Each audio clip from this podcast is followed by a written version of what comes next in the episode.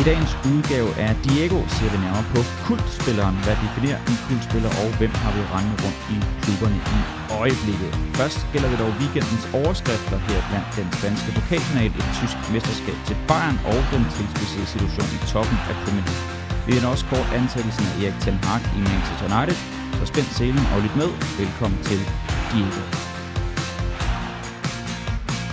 Også et stort velkommen til øh, mit panel, skal der lyde i dag. Lad os bare lige tage præsentationen sådan drøbvis. Jeg lægger for hos øh, dig, Anela Mominovic. Anela, uden at afsøge navnet på din nuværende favorit kultspiller. Det er noget, vi skal tale om senere hen. Øh, kan du så sådan nævne klub og lidt om spilleren her indledningsvis? Altså den der, jeg har valgt, jeg har valgt mange faktisk, så jeg ved ikke lige, om jeg kan, jeg kan vælge Tag en en. klub, men øh, ja, der er en spiller, som, som var ret speciel i den klub, som, som jeg holder med i, øh, i Tyskland, Bayern München. Han, øh, han var noget for sig selv, lad mig sige det sådan. Fedt. Det glæder vi til at høre med til senere hen. Øh, Francis Dick også, velkommen til dig. Jo, tak. Med dit kendskab til hollandsk fodbold, er, er Erik Ten Hag så manden, der har de rette, rette værktøjer til at løfte Manchester United op til fordomsstyrke igen? Ja, det har han helt afgjort. Øh, og han er også den rette mand. Men spørgsmålet er, om han får øh, det råderum, han skal have. Øh, også den tid, han skal have. Øh, og når jeg siger det, så er det jo fordi, at Manchester United er en klub, som, uh, som skal vinde noget med det samme. Uh, og den her plan, som uh, Ten Hag kommer med, den, den kommer til at tage noget tid. Og så handler det selvfølgelig også, når jeg taler om Røderum, så skal det være hans klub. Han er en rigtig dygtig træner, men han skal lære at blive en rigtig dygtig manager. Uh, og dertil så er der jo rigtig mange af de her KF'er, som uh, har de her store roller, altså Neville og Rio Ferdinand, Roy Keane og hvad de ellers hedder. Dem, der får lov at mænge sig i pressen. Og det pres der, det skal helst tage en, en lille smule af ham, øh, for ellers så, så kan det godt blive øh, rigtig mange ting at slås med Udover den spillertrup, som der skal renses ud i. Så, men værktøjerne er helt sikkert til stede. Det er en rigtig, rigtig god, øh, jeg skulle til at sige manager, men en rigtig god træner, som skal vokse ind i rollen, sådan, så det bliver hans øh, fodboldklub.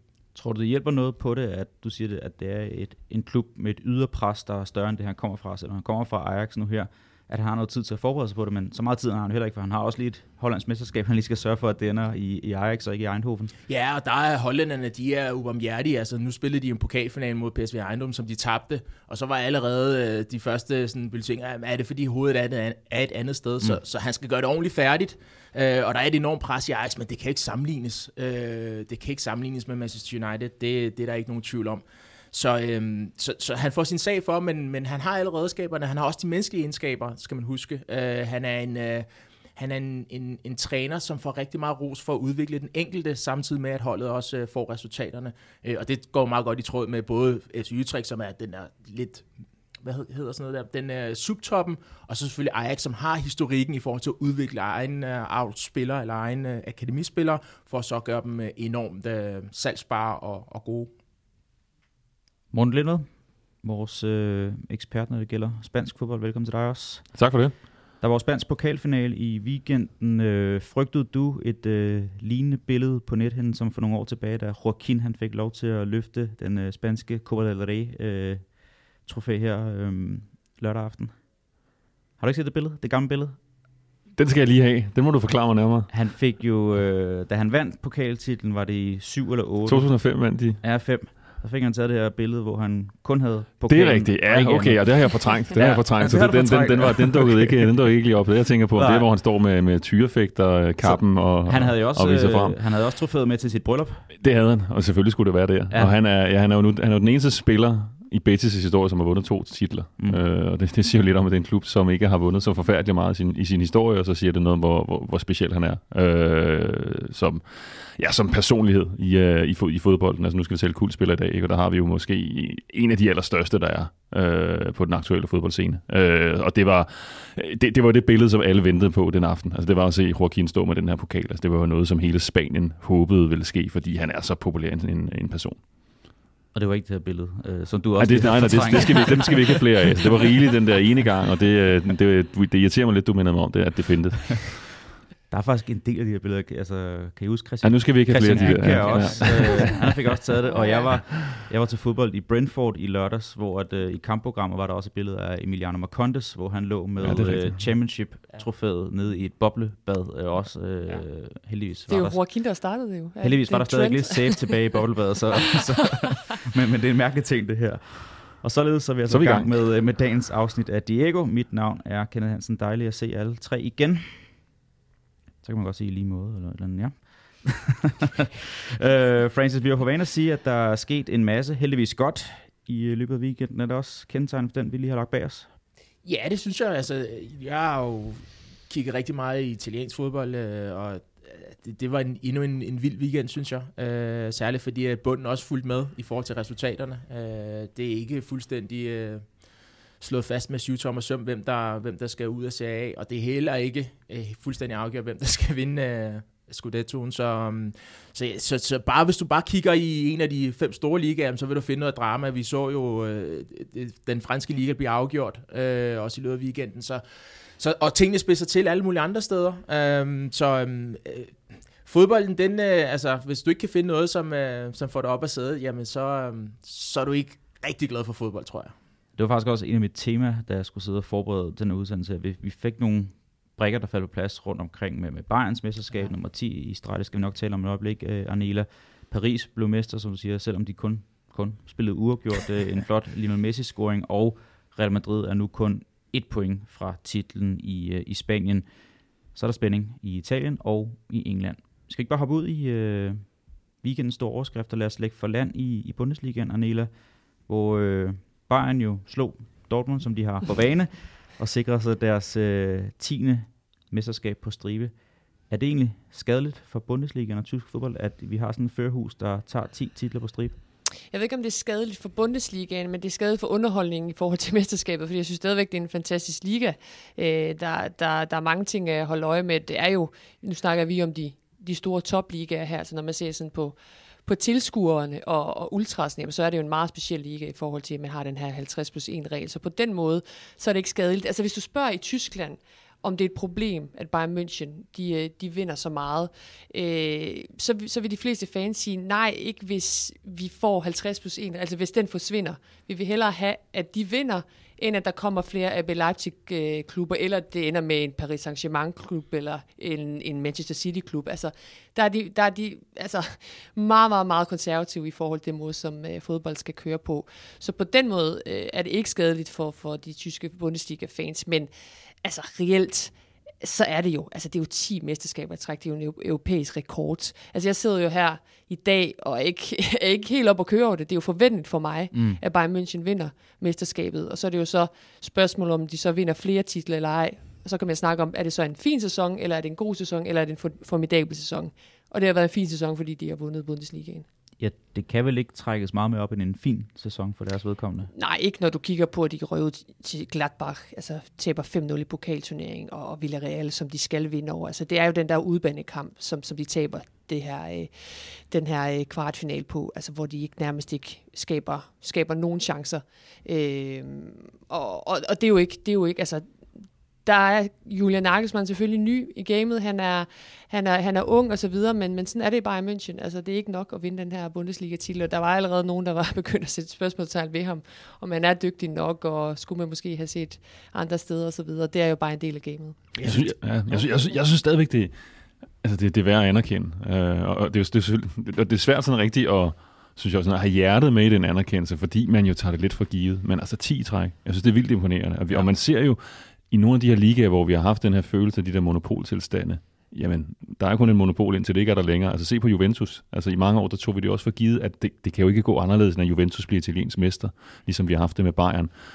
PSG, de burde jo også have vundet 10 i træk, men det har de altså ikke gjort. Der var en lille i sidste sæson, der har været et Monaco, der var et Montpellier lige da de nye ejere kom til. Så det er, altså man, man vinder bare ikke et mesterskab af sig selv.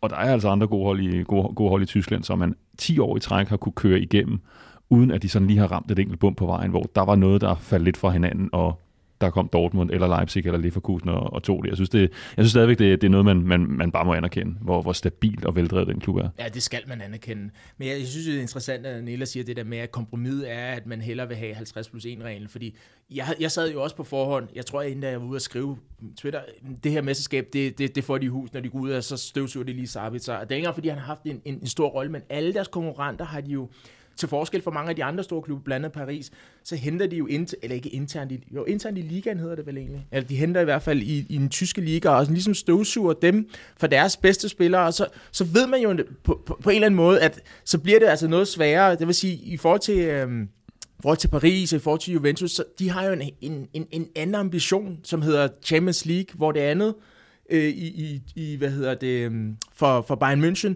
det er jo også at svække konkurrenterne i forhold til, at man hele tiden kan sidde på det her monopol, som, som du er inde på. Så det synes jeg er interessant, at man, man, man som fan siger, prøv at det er sådan, som det er. Øh, vi, vi er ikke gode nok til at, til at, at kæmpe med, med Bayern München, men omvendt så, øh, så har vi også... Øh, så har vi også noget indflydelse. Jeg synes faktisk, det er en interessant sammenligning med Paris Saint-Germain, fordi der, det er jo også en kæmpe klub med kæmpe stjerner, ligesom, ligesom Bayern er. Men der er bare en forskel i forhold til mentaliteten. Altså, der er en forskel i, altså, der er en grund til, at Bayern har vundet de 10 mesterskaber i, øh, i Tyskland, og PSG ikke har gjort det. Altså, jeg, jeg synes jo, de, de hold, som Bayern kæmper med i Bundesligaen, er, er lidt bedre end dem, som Paris Saint-Germain øh, kæmper med i Ligue 1. Men, men det der med, at du har nogle typer som en Thomas Müller, en Joshua Kimmich, øh, Leon Goretzka, Manuel Neuer osv., altså som kræver noget hver eneste kamp, hver eneste træning. Øh, du ser også Thomas Müller øh, juble, som om det var hans første mesterskab efter. Øh, og, og ødelægge Schweinsteiger Shark. Jamen, det er, jo, det er jo en tradition i sig selv med det her bier her, bierdus, øh, som man, som man øh, fejrer det med. Men, men der har du også kunne se også i Champions League, nu ikke lige den her sæson, men hvor Paris Saint-Germain de falder fra hinanden, fordi der ikke er den her mentalitet på, på holdet. Øh, så så jeg, jeg, den kan jeg sagtens købe, den der med, at det er jo en præstation i sig selv, at kunne blive ved med at blive motiveret til at kunne vinde de her titler øh, og glæde sig over dem. Jeg kommer lige med lidt forskellige ting nu her. Øhm, du nævner Thomas Müller, det var hans 11. mesterskab, mig bekendt, hvad jeg kunne læse mig frem til. Ny Bundesliga-rekord, ret unikt. Også ret unikt, at øh, Kingsley Coman, han er blevet mester alle sine år som professionel fodboldspiller. Hans første sæson var i 12-13, hvor han blev mester med Paris to år, så to mesterskaber med Juventus, og nu syv med Bayern München. Det er meget pænt at have 11 mesterskaber, når han ikke engang er fyldt 30 år nu. Det er, det er ret vildt. Øhm, Arnille, jeg bliver lige ved Bayern, og dig, Lewandowski, lidt stille omkring sin fremtid. Tror du allerede, at det her kunne være sommeren, hvor at han skal et andet sted hen? Nej, det tror jeg faktisk ikke. Øhm, han har jo kontrakt til 2023, og jeg, jeg lader mærke til, at sportsdirektør Hassan Salihamidzic var ude og, ude og sige, at de, de har ikke snakket med ham endnu, men de begynder at gøre det nu her, øh, efter, efter hvad hedder det, mesterskabet bliver sikret. Og han bliver ved med at gentage, at han har kontrakt til 2023. Øh, og så var, der, så var der en vært, der spurgte, jamen, hvad så hvis Barcelona kommer og lægger de her 60, 70, 80 millioner? Og sagde, jamen, det har ikke betydning, han har kontrakt i 2023. Så det lyder som om, at de, øh, at de, altså de har ikke nogen afløser klar. Altså det er jo også det, det, det helt store, øh, den helt, det helt store problem for dem. Altså Erling Haaland er, er alt for dyr, og hvem har man så i den, i den klasse? Altså du har en, en Benzema, øh, han er i Real Madrid, du har en Harry Kane, øh, og så er det vel også det, altså hvis du snakker sådan top, top angriber. Øh, så jeg tror, at hvis Lewandowski ikke forlænger, jamen så, så bliver han der et år, og så må man så, så, så tage den øh, udfordring i forhold til en afløser til næste sommer.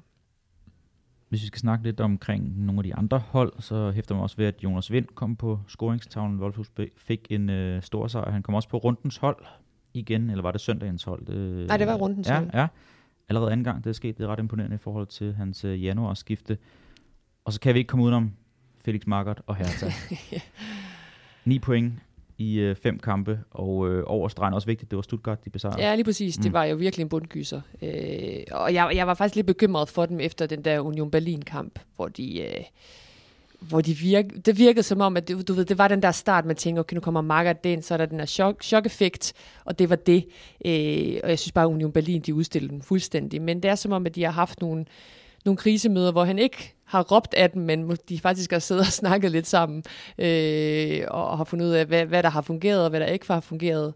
Øh, og så vandt de altså den her helt vildt vigtige kamp mod, mod Stuttgart, så de nu har øh, fire point ned til 16. pladsen, og netop øh, Stuttgart. Altså der er tre runder tilbage. Øh, det kan stadig gå galt i forhold til den her 16. plads. Jeg tror ikke, de ryger, ryger længere ned, men, øh, men der er i hvert fald der er altid spænding om de her nedrykningspladser. Der, det, er jo, det er jo altid de her store traditionsklubber, der, der er dernede og, og kæmper om det. Øh, så øh, så det, er, det er bare om at, om at holde øje her de sidste tre runder. Ja, sidste år måtte en af traditionsklubberne lave livet Werder Bremen. Øhm, ja, interessant. Francis uh, Anela Det er jo siger... Schalke 04. Schalke. Ja, Schalke. Jeg skulle lige til at sige. Jamen, de tog dem direkte ned, ikke, eller hvad? Jo, men, men det var jo det var jo stadig to Ja, kæmpe det- klubber, ikke? Altså, du har også har Svag Der er nogle store ikke? klubber Og- nede i, i ja. Ja. anden Bundesligaen.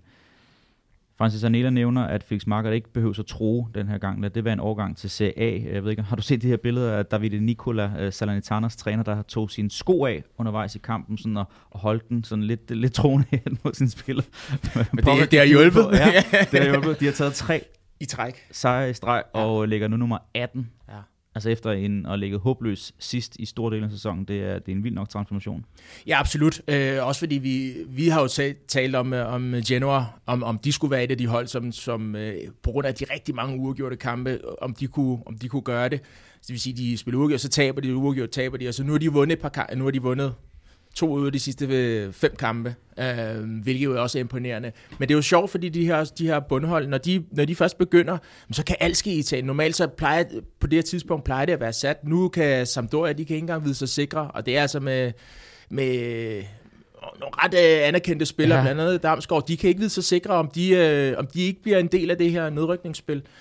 Um, så de næste par runder, det, øh, ja, det bliver, um, det bliver enormt øh, spændende at, at følge med i. Det er også bare vildt, hvor meget tre sejre rykker altså i bunden dernede, hvor et hold ikke rigtig høster så mange point. Ikke? Ja. 9 point på så kort tid, det Præcis. er en verden til forskel. Men det er helt vildt, hvis de ender med at klare frisag med en målscore nu her, der hedder 28 70. Ja. De har lukket 70 mål. Mål ind. ind, Tænk, ja. tænk, hvis de ender med at klare frisag. Du nævner også lige Genoa, der fik jo en vigtig, vigtig sejr. De var ved at spille 0-0 igen. Ja, lige præcis. Indtil det, ja, var det, Ja, to minutter før tid. Eller Ja. noget, ikke? at, at de fik den her meget, meget, meget vigtige sejr over Kalje, der gør, at øh, ja, der er faktisk fem hold, der kan rykke Der ned, kan rykke i, ned nu. i serien nu her. Det, Ja. det er ret interessant. I toppen var det også ret interessant, øh, da jeg sad og skulle forberede, hvad vi skulle tale om i dag. Der sad jeg i går aftes, øh, kvarter før tid i opgør mellem Lazio og Milan, og tænkte, okay, vi fik faktisk reduceret øh, mesterskabsaspirantfeltet fra 3 til 1 i den her weekend, fordi Napoli, de formåede på en eller anden mærkelig vis at smide en 2-0-føring over Empoli og tabe 3-2, der gør nu, at de er jo i retiro resten af sæsonen. Øh, jeg ved ikke, om det er Spalletti eller klubejer Di Laurentiis, der har beordret det, men de er simpelthen i træningslejr i øh, de sidste uger. Ja, det gjorde ondt på, på Spalletti. Det er jo der, hvor han har fået sit gennembrud, Mm. og kommet igennem trænerrankerne i Empoli, øh, og så se sin målmand. Øh, jeg tror, det er meget smart, at de, han ikke viser sig i gaderne i Napoli med ret, fordi den, øh, den fejl, som, øh, som, sko, øh, som gør, at øh, Pinamonte får scoret det udlignende mål til 2-2, det, det er jo sådan en, det, det må ikke ske, når du, er, når du kæmper med et mesterskab. Det må, det må ikke ske på noget niveau, men, men, men stå der og nøle med bolden, og så simpelthen sparke den ind i en, i en angriber, som ikke har nogen business øh, ved at, at skulle presse i sådan en situation nærmest. Øhm, det, det, det, var, det var helt skævt, og så får de sejren til sidst, og det var jo ikke ufortjent, at Empoli vinder den, og det gør jo, at Napoli øh, ja, Det, Syv point efter med fire runder Ja, igen. det- det- det, det- det er jo det- kørt. det er kørt også fordi, når vi så ser, altså jeg sidder og ser den her kamp, øh, Inter mod, mod Roma, som er en topkamp på alle mulige måder. Altså den måde Inter øh, angriber kampen på. Jeg har været lidt efter øh, Inzaghi, fordi jeg, jeg har ikke kunne se den her plan. Men når jeg ser den måde, de spiller fodbold på, så er det fuldstændig afstemt. Øh, jeg er jo lidt i forsvarslåsen, så jeg synes jo, det, det hjælper, når de får Steffen de Frey ned i det midterforsvar. Det gør, at de kan spille længere væk fra mål. Det gør, at der er en leder dernede.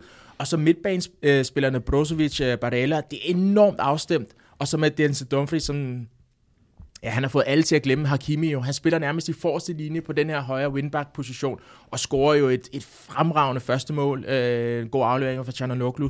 Og så er, de, så er de i gang. De styrer den her kamp. Øh, der er en god plan. Jeg synes, der har været lidt problemer. Vi har talt lidt om, om Diego og Lautaro, hvordan er deres sammenspil. Men de spiller bare godt i forhold til midtbanespillerne. Altså den her, den her pendul, den ene går ned i banen, den anden går dybt. Nogle gange er de begge to væk fra midten, så er det midtbanespillerne, der går, der går dybt op gennem midten. Altså, de splittede Roma ad. Øh, og så alligevel, så ved man, at Roma har den her evne, fordi de, de, de godt kan lide at, at, sådan, at stå dybt, og så spille de her kontraløb. Og derfor har de også scoret et fint mål øh, via Mkhitaryan. Men en fortjent sejr, og jeg vil sige, rent formmæssigt, der, der ligner det, altså det er Inter, der, der vinder det, også selvom at, at Milan får den her sejr. Det er også måske undskyld, værd jeg, jeg, synes, jeg, jeg, jeg, jeg, bare for at vende tilbage til Napoli, jeg synes jo, det er fantastisk, at i en, den der fodboldverden, der bliver mere og mere strømlignet, at det her, at det stadig finder sted, det her i Italien. Altså den her med, at hvis der er dårlige resultater, så bliver man sendt i den her straffelejr. Ja. Altså det, det, virker, det, er jo, det, er jo, det er jo ekstremt gammeldags, og øh, jeg tror ikke, du skal finde så mange moderne ledelsesguruer, der fortæller, at det er den rette måde at skabe en, en reaktion blandt et, uh, blandt en, Og det et, er et, fodboldhold. Ja. Ja, ja, det er jo indtil, altså på, det var på ubestemt tid, som de siger det, og Ja. så fik de så lige understreget, at det var en beslutning taget af Spalletti, og klubben var enig for ligesom at få... Altså, Det, det, det kan man så lige måske diskutere, om det nu Det også, gør, også, øh, også har været sådan, ikke? Det gør Men det, Felix Makker trods alt ikke. Nej, det er det, Altså, altså, og, det, det- og det, er jo, det er jo noget, som man, man tænker ah, det, det må da lidt høre fortiden til, men det, nej, det sker, altså, det sker altså stadigvæk, at det, det ligesom bliver set som løsning, når man skal vise, det er jo den der måde at vise handlekraft, at Mm. vi vil ikke lade stå til, nu skal vi ligesom vise, at, øh, at vi tager det, her, tager det her alvorligt, altså det er jo en signalværdien over for, over for egne fans, over for omverdenen, medier, og så en eller anden tro på, at, at det så rent faktisk også får en, en effekt for spillerne. Jeg synes, det er interessant, fordi det skete jo også sidste sæson med Napoli, og der nægtede spillerne jo. Jeg kan ikke huske øh, under, øh, ja, det var Gattuso, Gattuso, ja. hvor de simpelthen nægtede, og, og der er kæmpe ballade. Altså, så, så, så der er jo nogle af de her spillere, som følger med tiden og tænker, at, altså, ja ja, altså slap nu af, vi har tabt en fodboldkamp. Hvis jeg skal mærke på min egen krop, så ville jeg også tænke, ah, det er lige for meget det gode. En eller to dage op til kampen, kan du måske gå i en lidt tidligere træningslejr, men det der med at være væk fra familien i, i så lang tid, det, det, det, det hører ikke nogen... Øh...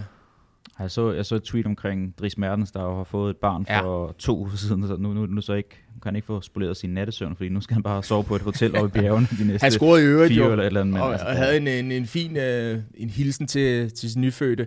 Altså, men, men, men det er jo rigtigt. Altså, men der er Napoli måske også lidt til nej. Jeg ved godt, det sker i Italien og også med alle mulige andre hold, men, men der, er- der er de meget konsekvente.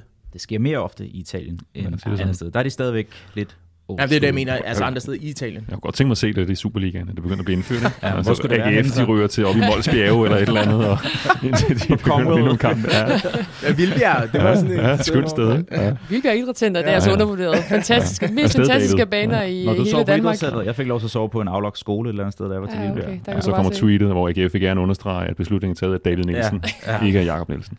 Men det er interessant, fordi det her mesterskab, det, altså, som jeg ser det, så er øh, Inter stadigvæk det hold, som, øh, altså det er holdet, man skal slå, hvis man, øh, hvis, man skal, hvis man skal vinde. De spiller noget god fodbold, og det havde jeg faktisk ikke bare en måned tilbage, og vi har siddet her i det her panel, hvor jeg, hvor jeg sådan, synes, at det, det virkede uden plan, men, men øh, pludselig har det bedre program.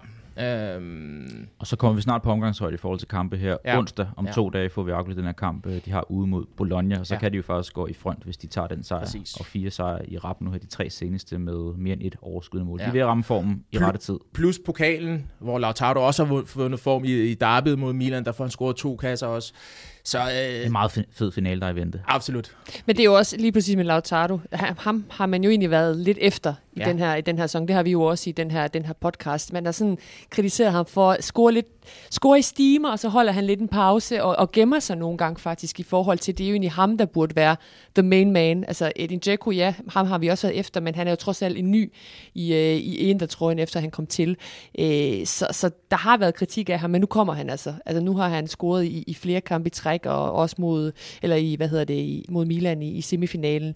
Og det, nu ligner det, nu ligner det det der hold fra december, hvor alle slet ikke kunne for, altså, man kunne ikke forestille sig, at det ikke skulle være Inter. Nej. Og nu synes jeg, at man sidder lidt, lidt med samme følelse, selvom jeg egentlig synes, at Milan også har, altså, de har sgu også noget. Altså, De skal jo kredit for, at de kommer tilbage, sådan som Ja, ja, kamp, som lige går. præcis. Men de har det bare med at gøre det svært for dem selv også, Ja. ja. oftest. Ja, det gør de, men de vinder jo stadig. Ja, det- Øh, og det er en unik evne. Det er meget, meget, meget øh, fed evne at have i forhold til, ja. Ja. at man, øh, man kæmper om det italienske mesterskab. Og så synes jeg bare, det er fedt, det er Milan og Inter, der er kæmper om det. fedt. Altså, det er, det er ved at være nogle år siden.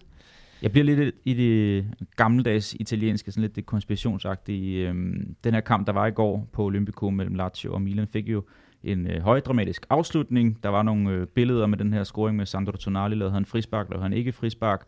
Og så efterfølgende Lazios midterforsvarer Cherbi, der grinede lidt, smilte lidt, der da Milan fik det her sene, sene mål. Og så kommer der alle mulige ting frem på nettet med et gammelt billede, hvor han står ude foran Milanello i en Milan-trøje og har angiveligt været Milan-fan som barn.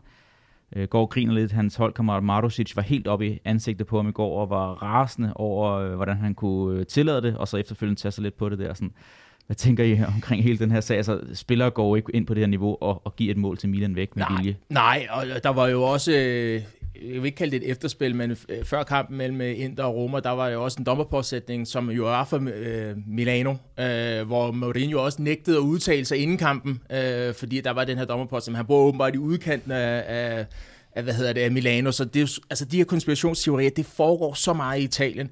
Øh, så selvfølgelig er ikke nogen spiller, ej, er der en dommer? Det har vi jo selvfølgelig set i, i tidernes morgen øh, med den her story. Også i Italien. Også i Italien. øh, men, men, men der er jo ikke nogen spillere, som, øh, som går ind på banen og, og har så meget kærlighed til en anden klub, at man tillader de der ting. Så, så, så jeg synes, det er for italiensk øh, at gå ned ad den vej. Øh, og mere har jeg sådan set ikke at sige til det. Jeg synes, vi skal jo ikke lægge noget i de der ting. Lad os parkere den der og hoppe til øh, Spanien, Morten, hvor at, øh, det var småt med fodbolden, men den fodbold, der blev spillet, var alligevel sådan øh, ret god i forhold til overskrifterne. Der var en pokalfinal, og så var der en kamp på Camp Nou. Ja, og pokalfinalen, den, den, den var så god, så den måtte øh, strække sig over to dage. øh, det, det var, var det kvart i et øh, natten til, til søndag, at, øh, at den fandt sin afgørelse, efter den var blevet sat i gang kl. kl. 22. Ikke det så børnevenligt. Det, må, det kan man ikke ligefrem sige. Øhm, og det var jo en, det var en fed finale, synes jeg. Og det var, det var to store traditionsklubber med en kæmpe fanbase, men også to klubber, som har haft sine problemer med at leve op til, til, deres, øh, til deres størrelse. Og, og det gjorde, at de jo virkelig omfavner den her, den her finale. Ikke? Og det, det, der gør den spanske pokalfinale speciel, øh, det er det her med, at, at i Spanien, der ser man det jo ikke så meget med, at, at tilhængere rejser med til udekampe. Øh, det, var det meget, meget få udebanetilskuer, der er til normale ligekampe. Så derfor så er det specielt, når det så sker til pokalfinalen, altså at sådan et stadion er delt i de her to lejre. Øh, kampen blev spillet i Sevilla, det der Betis kommer fra, altså de skulle ikke rejse så langt, men der var jo også altså, halvfyldt med, med Valencia-tilhængere, og det var, jamen det, man, kunne, man, kunne, man kunne mærke det hele aften, at det her, det var en, en, en enorm kamp, altså den intensitet, den spænding, den nerve, der var hele vejen, det var det, der gennemsyrede det mere, end det var den, den gode, polerede, polerede fodbold undervejs. Øh, og så endte så dramatisk, det, det, som, som det kunne blive. Vi har været inde på Joaquin i indledningen, hans rolle i det. Han blev skiftet ind undervejs og score øh, på et af straffesparken. Sådan måtte det være. Det, altså, det var hele stadion holdt jo vejret, og det, jeg tror, det var lige før, man tænker også Valencia-tillingerne, de også håbede, han ville score. Øh, fordi at det, det, det, sådan måtte det bare være. Han har jo også spillet i, øh, spillet i Valencia. Øh, og så den sidste sidste detalje, at ham, der scorede det afgørende straffespark, Juan Miranda, den unge vensterbak, der blev skiftet ind, øh, jamen, han, altså, han er vokset op i Sevilla, hans familie er Betis-tilhængere, og forhistorien gik på, at da de sidst vandt en titel, det er for 17 år siden i 2005, jamen, der var han der var han på stadion, Calderon i Madrid, med sin familie stod. Der er billeder af ham, hvor han står som den her femårige dreng, som han var dengang i, i, Betis, i Betis tøj, og så på Joaquin vinde pokal, pokalfinalen dengang. Og nu var han så selv ham, der scorede afgørende straffespark, så de kunne vinde den igen. Ikke? Så der var masser af, der var masser af fine detaljer, og jeg synes, det var en, det var på nogen måde sådan den perfekte pokalfinale, altså også i en tid, hvor altså, fodbold handler om alt muligt andet, og Super League, og hvad der foregår i de store, nyrige klubber, så var det her, det var altså sådan to gamle, meget traditionsrige klubber, øh, der stod over for hinanden og kæmpede sådan på lige fod. Det var en meget jævnbyrdig kamp hele vejen. Det, det, det kunne jeg faktisk godt mærke det der. Så nu har jeg ikke nogen aktie i hverken Valencia eller Real Betis, men da Juan Miranda han scorer det straffes scorer på det straffespark og, og bare falder ned på knæ og kigger op mod luften og begynder at græde, der fik jeg faktisk gåsehud, uden jeg vidste, den historie, den fandt jeg så ud af bagefter, da jeg, da jeg kiggede lidt på, på, på Twitter. Og, og det giver bare noget, det her med, at de her spillere, der, der har, altså nu har han så været i Barcelona og i andre, andre klubber, så kommet tilbage til Real Betis, men det er jo hans, hans klub, øh, og det kunne man bare mærke på de der fem sekunder, hvor han bare lå dernede. Og, og, det, er, og det er bare en speciel altså, klub, Betis, ja. altså historien er også, altså Hector Bellerin, som de jo lejede i Arsenal, altså han har også relationer dertil, og han går, går jo sådan ned i løn for at spille, spille i Betis, altså det, det, den, den, den har enormt stor betydning, den, den her klub, øh, og så gør det jo bare, altså det hele endnu mere sådan anspændt og dramatisk omkring Betis, at det jo en klub, der altid har underpræsteret i forhold til, hvor stor den er. Øh, altså det her, at den ja, ikke havde vundet noget i 17 år, og hvad var det, den tredje pokaltitel, og så har de vundet et mesterskab for 100 år siden, eller et, et eller andet. Ikke? Så de har jo altid, de har altid været den her klub, som, som ikke rigtig har kunne leve op til, til dens potentiale, som har været et galehus, som har skiftet træner, som, hvor der altid er en, altid er en følelse af noget kaos og noget drama om, om, omkring, øh, omkring Betis. Øh, så, så når det så endelig lykkes, altså, så kan man bare se, hvor meget det betyder for spillere og for, og for fans. Ikke? Og det, og det, er jo, det, er jo, det er jo sådan en kamp, der også giver, giver pokalfodbold noget værdi, ikke? fordi det, det er der, at sådan en klub som Betis har muligheden for rent faktisk at vinde noget. Øh, og der kan man se, hvor meget det betyder for, for, for de her mennesker. Altså hvis det var Barcelona, der havde vundet endnu en pokaltitel, eller hvad det var, altså, så havde de jo taget det med et skuldertræk, og så var de videre. Øh, men når det er de her klubber, der, der får muligheden, så, øh, ja, så er der noget storhed over det. 0-0-49 blev det sidste spark lavet. Det var så ikke lørdag, men søndag nu her. En anden kamp blev det også spillet søndag, Morten. Øhm, nyt nederlag til FC Barcelona. Er vi øh, højere op end en minikrise i øjeblikket, og, og sådan, hvad... hvad, hvad... Ja, det, er, det, er meget, det er jo meget bemærkelsesværdigt, men sådan har det jo bare været med Barcelona i den her sæson. Ja. Man troede måske nok, at efter den optur, de havde været igennem i, i de tidlige forår, og kulminerende med sejren på 4-0 på, på Bernabeu, er, okay, nu var de ved at være der. Nu var der i hvert fald en, kom en anden ro på, en anden stabilitet over det. Øh, men det har så vist sig, at der faktisk var endnu en, en stor nedtur i den her, i den her sæson, som har følt det som, som fem sæsoner i, i et for, for Barcelona. Altså, de har aldrig før tabt tre hjemmekampe i træk i en sæson. Altså, det, det siger lidt om, at det her det er mere end bare lige et bump på vejen. Altså, det var et bump på vejen, da de måske tabte den første. Øh, men at de gør det tre gange i træk, og at de også har, de reelt ikke har spillet godt siden Bernabeu. Øh, for det er tilfældet. Ja, de har vundet over Sevilla, øh, men det var sådan en tæt hjemmekamp. Men derudover, altså, de røg ud mod Frankfurt og spillede heller ikke godt i den første kamp på udebane, før det så gik galt i, i returen på hjemmebane. Den ligekamp, de vandt over Levante, og den, de vandt ude over Real Sociedad, det er heldige sejre, hvor de ikke har, hvor de ikke har spillet til noget, så det har, det har slet ikke fungeret siden da, ikke? og det, det er jo lidt tankevækkende, at det falder sammen med, at Pedri er blevet skadet igen. Øh, altså hans betydning for det her Barcelona-hold, den er, den er enorm. Jeg så, sådan, jeg så en statistik i den her sæson, så tror jeg, når Pedri har været med, så har de hentet 89 procent af pointene, når han ikke har været med, så har de hentet under 50 procent. Øh, og det tror jeg altså ikke er helt tilfældigt. Han har, han, han har virkelig fået en, øh, en, en, en vigtig rolle for det her hold. Det er ikke så meget Messi dependencia, men ja, med det, det, det, det, er der, vi er. det er der, vi er. Det er ham, der ja. på en eller anden måde får det hele til at flyde øh, jeg synes for, også, for det er Barcelona. Young er bedre, for eksempel, når, når Pedri spiller. Ja, altså, han, det er, han er en af dem, der sådan er faldet helt, faldet Ja. helt Frankie de Jong. Frankie de Jong, Ja, trods alt. den anden de Jong, det er sådan lidt anden rolle? Men, men det er, altså, det, det er, det er smuldret fuldstændig for dem, ikke? og det, det stiller selvfølgelig nye, nye spørgsmål i forhold til, jamen, hvor langt er de rent faktisk kommet? Altså blev man lidt forblændet af den her sejr på, på, på, på Bernabeu, og hvad skal der ske til sommer? Ikke? Altså nogle af de svar og løsninger, som de måske føler, de har nået, jamen der er måske der er mange ting, der ligesom bliver, bliver åbnet op igen. Altså det der, altså for 3-4 uger siden, så stod hele Katalonien og bad til, at de kunne få forlænget kontrakten med Usman Dembélé. Mm. Hvad nu? Altså, er- er det virkelig en spiller, som man skal investere stort i at beholde? Og alle de her spørgsmål, som bliver, som bliver åbnet op en gang til. Ja, det er meget interessant. Øh, Du nævnte den her pokalfinale. Altså, der er jo et væld af kultspillere, som vi skal tale om senere hen. Pedri kunne måske også blive en potentiel kultspiller i, øh, i Barcelona senere hen. Lad os lige prøve at runde Premier League, inden vi skal tale om kulspilleren i del 2 af dagens udgave af Diego. Der skete noget igen. Francis, øh, kampen om top 4 begynder at snærpe til, hvis vi snakker om, at der blev sorteret nogen fra i Italien i forhold til mesterskabsspejderne, blev Manchester United måske også sorteret fra på Emirates lørdag eftermiddag. Ja, det vil jeg jo gerne sige, men, det, men, det, men Du er ikke klar til det endnu? jeg er ikke klar til det endnu. øh, jeg er ikke klar til det endnu.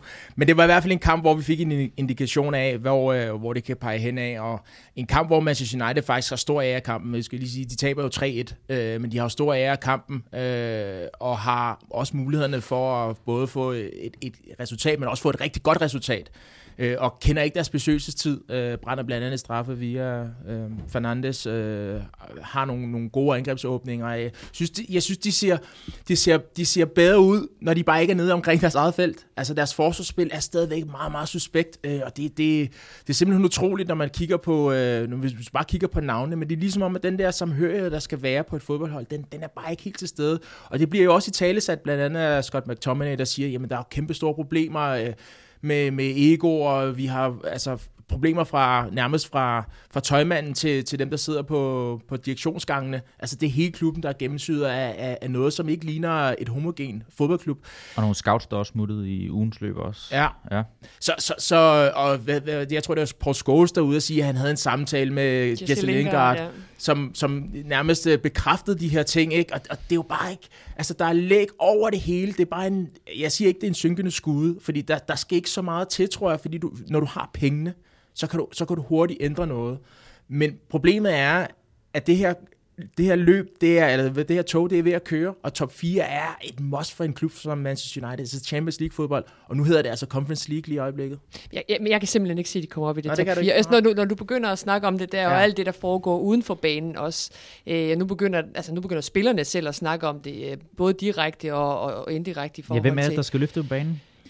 Jamen, det er jo det, der er spørgsmålet, Mm. mm. fordi det er også det, der har været snakket om. Så hvem er lederne? Er, er, kigger spillerne for meget på sig selv i forhold til at kunne løfte holdet? Øh, er, de, er de gode nok? Er de homogene nok? Og der, der tror jeg simpelthen, svaret er nej. Og der har Ralf Rangnick jo været øhm, ja, et, dårligt, et dårligt valg. Altså, det må vi jo også bare erkende, at han har ikke været en stærk personlighed. Altså, hvis du sammenligner med Pep Guardiola, Jürgen Klopp og så videre, Thomas Tuchel, jamen så er Ralf Rangnick jo ikke i nærheden i forhold til personligheden. Det kan godt være, at han er i, på det taktiske. Han er jo trods alt oplært nogle af de allerbedste, blandt andet en, en Tuchel og Klopp. Men det der med, at du skal være en god, altså var det, der er der sagde Francis, du skal være en god manager, du skal være den der skikkelse udad til. Det er dig, der skal løfte holdet op, hvis, hvis de ikke selv kan finde ud af det, øh, de her stærke ledere. Og, og altså, de, altså, de, hvad har de? Seks point op til, øh, til, til fjerdepladsen. Mm. Der er fire kampe igen, det tror jeg simpelthen ikke på. Ja, altså både Tottenham og Arsenal har fem kampe faktisk også, så de er jo ja, også en, ja, en kamp foran. Ja. Morten, øh, nu prøver jeg lige at lave hovedregning for åben mikrofon her og kigge på Manchester Uniteds øh, målscore. De har jo indkasseret 51 mål, efter de indkasserede tre slags mod Arsenal. Det er jo, det er jo for det første helt vanvittigt. Når, så kig på nogle af de andre mandskaber. Cities hedder 80-21, det er plus 59. Ja, men jeg har, den, jeg har den stående foran mig, så jeg kan fortælle ja. dig, at United hedder plus 2. Ikke? Det... Plus 2. Ja. Og Chelsea, der er nogle af dem, de også skal måle sig med, som de er 11 point efter, den hedder plus 40, 67, 27. Og de har endda fået meget røg for deres forsvarsspil her. Ja, lige præcis. Men, men altså, øh, hvis vi kigger fremad også i forhold til Ten Hag, Morten, altså, hvilke 3, 4, 5 brik er det så, han skal lægge først og sige, det er dem her, vi bygger fundamentet op efter? Jamen, jeg synes, jeg synes jo, problemet er netop, hvis de tænker sådan. Altså, fordi det er, det er ikke det er ikke det på banen, som de skal bygge op først. Altså, det er alt det, der er bagved. Altså, fordi vi har set, der er jo kommet masser af store spillere til, og de har jo pengene, de har brugt pengene på at købe, at købe, at købe spillere. Øh, men, men når der ikke er anden struktur, en bagvedliggende struktur, øh, altså, så er det så er det bare, at altså, så får man aldrig forløst det potentiale. Altså, det, må, det må trods alt være læren af det, vi har set i international fodbold i de sidste 5-10 år. Altså at ja, penge betyder enormt meget, men der, de skal gå hånd i hånd med, at klubberne har en, har en tydelig strategi og, og kultur. Det har Manchester City, det har Liverpool, det har Bayern München, som vi har talt, som vi har talt om før. Og nogle af de klubber, der ikke har det, det er sådan en som PSG, og du kan tage Manchester United, de, de får bare ikke de resultater, som deres økonomi, økonomi berettiger. Så hvis man endnu en gang tænker, at ansættelsen af en ny manager i Manchester United så har vi løsningen på hele problemet. Så, så tror, jeg simpelthen ikke, tror jeg simpelthen ikke på det. Øh, for, for også at forvente, det er også en, altså, jeg synes også, det vil være et vanvittigt ansvar at lægge på en mand som Erik Ten Hag, som øh, al respekt for, hvad han har præsteret i Ajax, altså, så er det jo ikke en mand, der har rejst rundt i Europa og har vundet Champions League-titler med, med, med fem forskellige klubber. Øh, og forvente, at han skal komme ind og være den, der, der ligesom ligger alle planerne for fremtiden for en af de største klubber, klubber i hele verden. Altså, jeg synes, det, det vil være det, det, det er en vanvittig byrde at ligge på, på, på hans skuldre, og det, det kan jeg simpelthen ikke forestille mig, at han kan magte at skulle, skulle tage det hele det ansvar, øh, ansvar alene. Nej, ikke alene. Det, der er jeg ret enig. Og jeg spekulerede også i, øh, det var inden der var den her skandale med øh, Marco Hummers, at de skulle komme som en pakkeløsning. Mm. Øh, Sagar også faktisk med Fandasar, med, med, med, med Fandasar. Mm. Men Fandasar sidder på sådan en post, som det, det er svært at... Han er altså, en rigtig direktør, skulle jeg til at sige. Øh, vores sportsdirektør og træner, de rykker lidt hyppigere. Øh, og så skete der det her, øh, og nu har der været lidt ballade omkring, og kan han få sine assistenter med? Uh, han vil gerne have Steve McLaren med. Det er ikke sikkert, fordi han har haft en, en tid i Manchester United før, øh, og de vil gerne væk fra det gamle. Øh, men han var jo assistent under Steve McLaren i, i Twente, øh, Erik Ten Hag, så de har et rigtig godt forhold, som han gerne har med og så er hans hollandske assistent.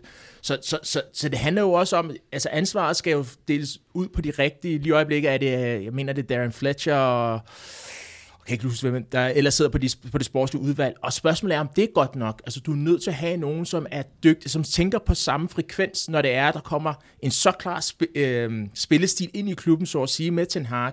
Øh, så jeg er jo enig i, at jeg synes jo, han skal have et kæmpe ansvar. Han skal ikke have ansvaret alene. Du er nødt til at give ham nøglerne, ligesom du gav nøglerne til Jürgen Klopp.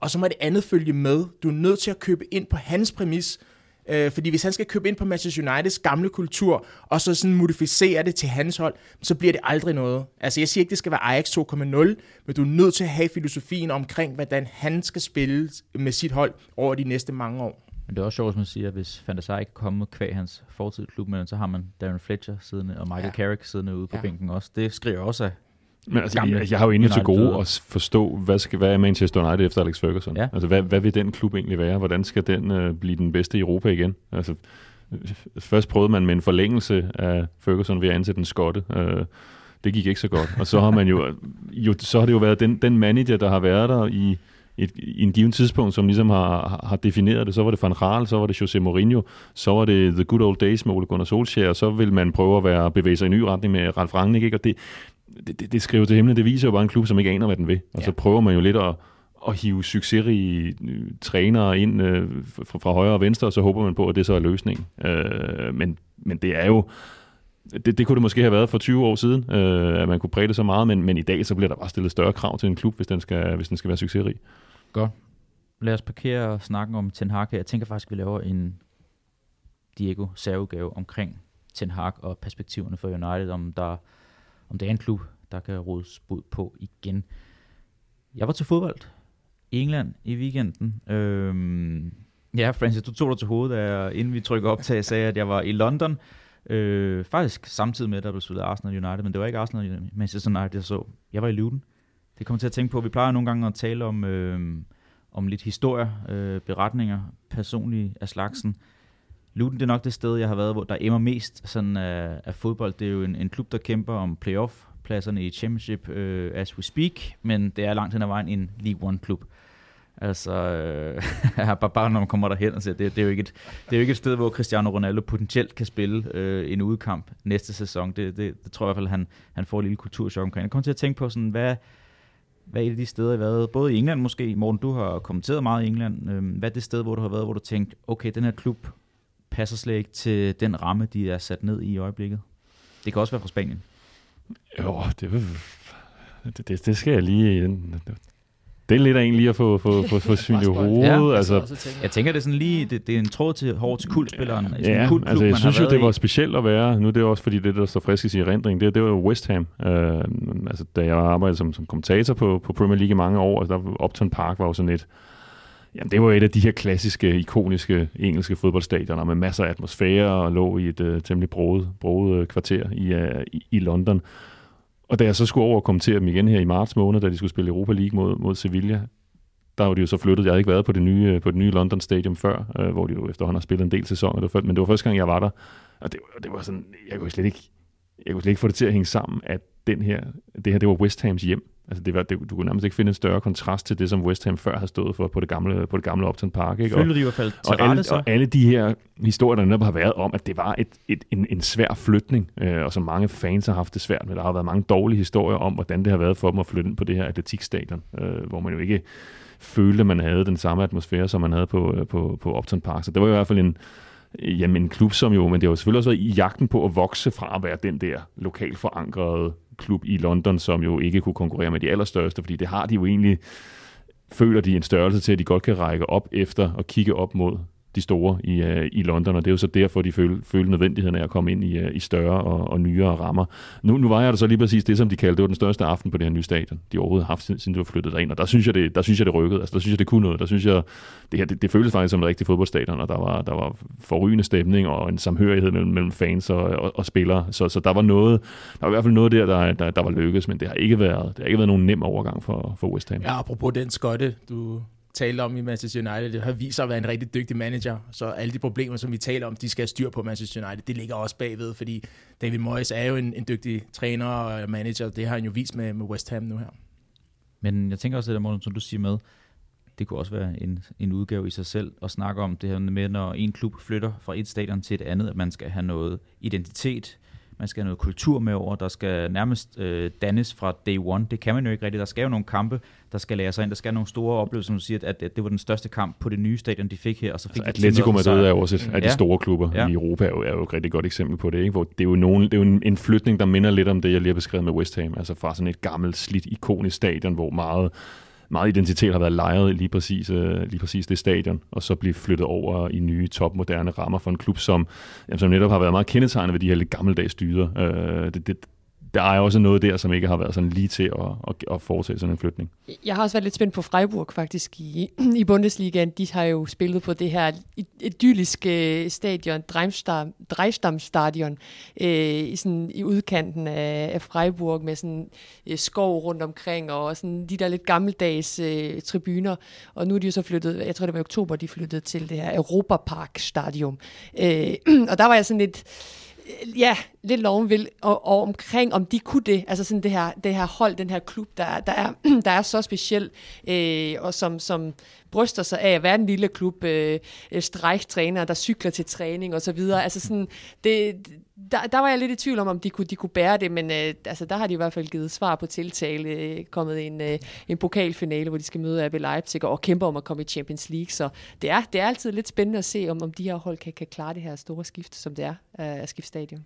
Så kan jeg så lige runde af med, at jeg var også i Brentford lørdag, og der talte jeg med min sidemarker om, at de har faktisk lavet den her øh, transition meget pænt. De havde måske heller ikke samme bagkatalog og store meritter og alt muligt, men, men det virkede til, at de har fundet hjemme på deres nye stadion bare med det samme. Altså der var fantastisk aura, identitet, og folk var med og medlevende, og der manglede ikke noget i forhold til det gamle stadion. Men det gamle stadion, det var også... Det var rigtig gammelt. Ja, Det, var, altså det, det havde jo selvfølgelig noget, fordi du har de her popper lige rundt på hver sit hjørne. hver sin side Ja, på hver sin side. tribunerne. Ja. Øhm, men det her nye community stadium, det, det synes jeg faktisk passer rigtig godt til Brentford. passer sindssygt godt til. Ja.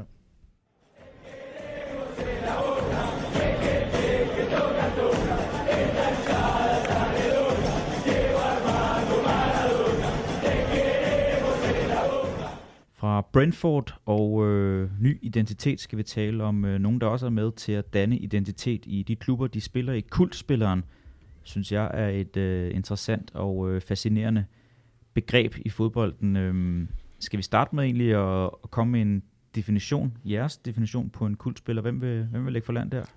Jeg synes faktisk, at den, er, den, er, den kan være svær at definere. Øh, noget kan være noget så banalt som udseende. Øh, noget kan være sin position i, i, i klubben, altså så til at sige opvækst. Noget kan være den samhørighed, der er mellem fans.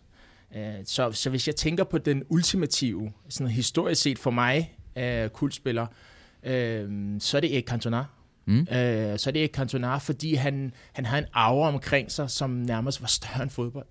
Øh, som, som, som, som var utilregnelig også til tider, det så vi jo øh, med, med det her kung fu spark, øh, og havde sådan en, øh, øh, jamen den her, den her, man, man, man, man vidste ikke rigtigt, hvad det var, man så. Altså han, han havde et niveau også, som, øh, som løftede det. Sådan, det var udefinerbart, hvad det var, han var, var sat i verden til at skulle lave. Er han filosof? Er han øh, skuespiller? Er han fodboldspiller? Altså han kunne simpelthen det hele, og, øh, og prikkede, tror jeg set, alle omkring sig. Øh, altså han, han, han gav et, et, et aftryk, netop den her aura, som jeg, jeg prøver sådan at, at, at få præciseret, øh, er svær at, at, at smide ned over ham, fordi han, han netop var så, var så stor. Så Erik Cantona for mig den ultimative kultspiller, øh, ikke bare for Manchester United, men også øh, sådan i engelsk fodbold. Øh, en, som, man, øh, som du aldrig kommer til at glemme.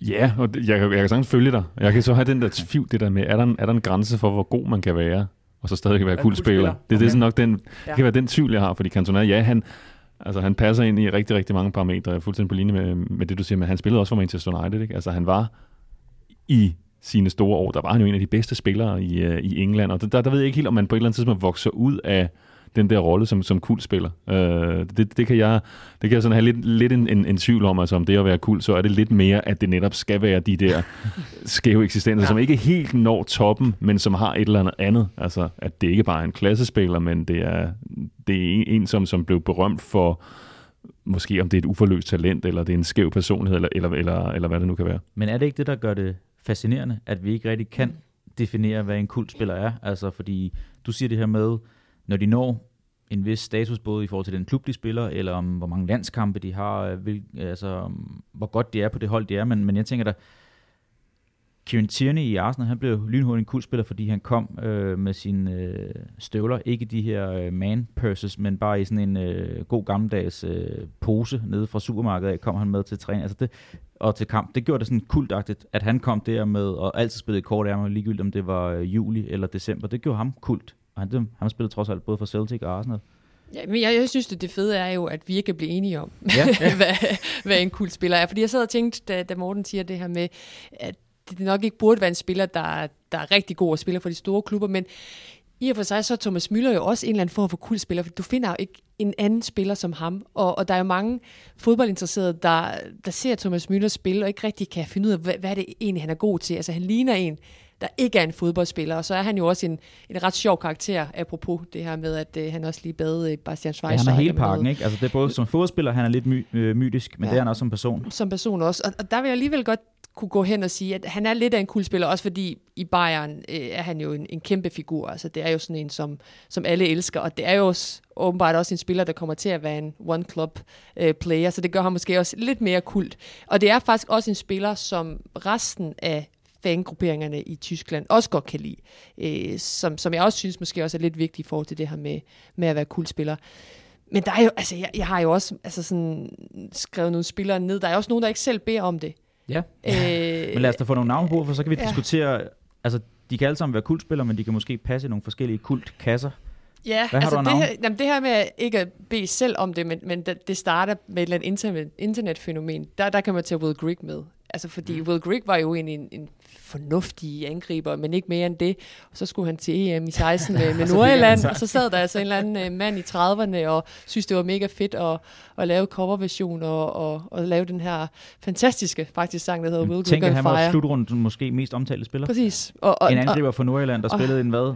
Næstbedste engelske række dengang. Og Wigan var det ikke, Ja. han spillede for. Øh, og, og, og han er bad jo kult. ikke selv om det, og Det det, er er jo kult. kæmpe kult i Ja, min verden, at, er at Will Griggs on Fire, altså jeg kan huske, jeg var øh, på Roskilde Festival i, i Alle 2016, også alle sang, Man har altså, hørt du den mange gange. Man har hørt Så, mange. Og der er mange, der har afspillet den, uden at vide øh, historien bag. Ja, Det tror jeg, hvis du siger, den har været på Roskilde Festival. Det er ikke alle, der har kendt til den historie. nej, men, øh, men det, det var et kæmpe hit i, på Ja. Roskilde i 16, vil jeg sige. Men, men det er sjovt, fordi øh, det, det, det her det er jo sådan en, du har, han har ikke bedt om det, men, det, men jeg var lidt inde på det der med, at noget kan være udseende. Jeg tænkte på Adebayo Ankenfenwa, altså den her store, stærke ja. mand. Altså han, han har jo heller ikke bedt om det, tror jeg rigtigt, men han, han, han er jo også bare... Altså, det er jo også en spiller, som er ikke, jo ikke verdens bedste angriber, lad os bare sige det sådan, men han fik jo blandt andet også i forhold til ungdommen, vi har snakket meget om det her, hvad vil øh, de her store klubber med Super League og sociale medier og alle de her ting. I det her FIFA, så fik det den her ekstra kort, hvor han fik øh, som den første spiller 100 i fysik. Ja. Øh, det er der jo ikke nogen andre, der, fordi han var nærmest en bodybuilder, der var rundt, ikke? Jeg har mistænkt for nogle gange, og han godt have valgt en trøje nummer større. Ja. Altså, det havde det måske Ja. til rådighed, men Ja. ja. han, han kunne godt lide at fremelske det der også, ikke? Det er det, og han er jo gået rundt i, i de her lidt øh, lavere, ja, lower league, skulle jeg til at sige, ikke? Øhm, og, og, og, og spillet fodbold på den måde, og ernæret sig på den måde, og har fået et kæmpe navn øh, på grund af sin fysik. Øh, så, så, så på en eller anden måde, så, så kan jeg heller ikke helt komme udenom, at øh, det også på mange måder er en, en kultspiller. Det var ham, jeg glæder mig til i de der tidlige FA Cup rundt og se, hvor spiller han hen i år, og er der mulighed for, Ja. at øh, de, de har en tv-kamp mod Premier League-holdet, eller Ja. et hold fra toppen af Championship, eller et eller andet, fordi er meget fedt lige at se ham spille live Ja, en og, og, to og gange. netop de der kampe der, når de har haft de der League Cup eller øh, FA Cup'en, så, øh, så er der mange af de her, til, i hvert fald i de senere år, de store managers, kan huske, Mourinho var ude og, sådan, og ligesom sætte nogle ekstra ord på det, at øh, vi har registreret, at, øh, at du løber rundt der, ikke? Øh, Så, så ham vil jeg gerne, øh, ham vil jeg gerne smide på den også. Jeg synes, der er, altså jeg tror, jeg, jeg kan bedre finde kultspillere fra gamle dage, altså, eller fra min egen barndom, da jeg begyndte at se fodbold, ikke? Også, og der, der ligger nok noget i den måde, fodbolden blev dækket på, ikke? Altså, kul- jeg synes også, der var noget af den der, altså når der er sådan noget lidt mystik over en eller anden spiller, altså de der spillere, som man måske kun lige ser, når der var en eller anden VM-slutrunde, så dukker der en eller anden mystisk spiller op fra mm. et en nation i Afrika eller i Sydamerika, som man, som man ikke har været, været vant til at se. Det synes jeg kunne noget særligt. Og så kan det godt være, at man aldrig så ham spille fodbold igen, fordi så rendte han måske rundt og spillede i, øh, i en eller anden liga i, øh, i, Argentina eller Brasilien, eller, eller hvad han nu ellers gør, og så kunne man forestille, sidde derhjemme og forestille sig, at det, man havde set i de her to VM-kampe, at det var så det, han gjorde på daglig basis. Ikke? Men i dag, så bliver alt jo dokumenteret. Ja. Så der kan man ikke, man har ikke den, det, det, der, det der mystiske, mystiske præg over. Så, så jeg, så dem, der, der er jo nogle af de der, som man kan huske, altså sådan Carlos Valderrama, altså husk ham fra Colombia, der var også noget med udseende med det der store hår.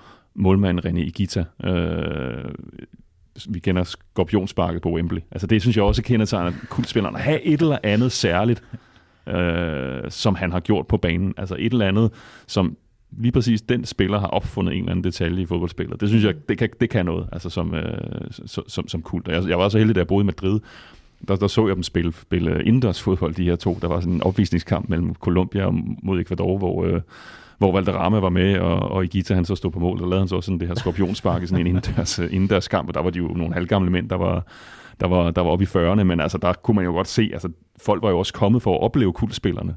Det var jo det, der trak, trak folk i den her store, store hal i, uh, hal i Madrid. Ikke? Så der, Ja, der synes jeg, der, der er nogle legender der. Eller målmanden Chilavera, altså den der mm. målmand, der laver, en, hvad laver han, altså næsten 100 mål i sin karriere, fordi han skal selvfølgelig op og sparke frispark og straffespark og det hele. Ikke? Altså der, der synes jeg også, der er noget, øh, der er noget kult over de der typer. Klart.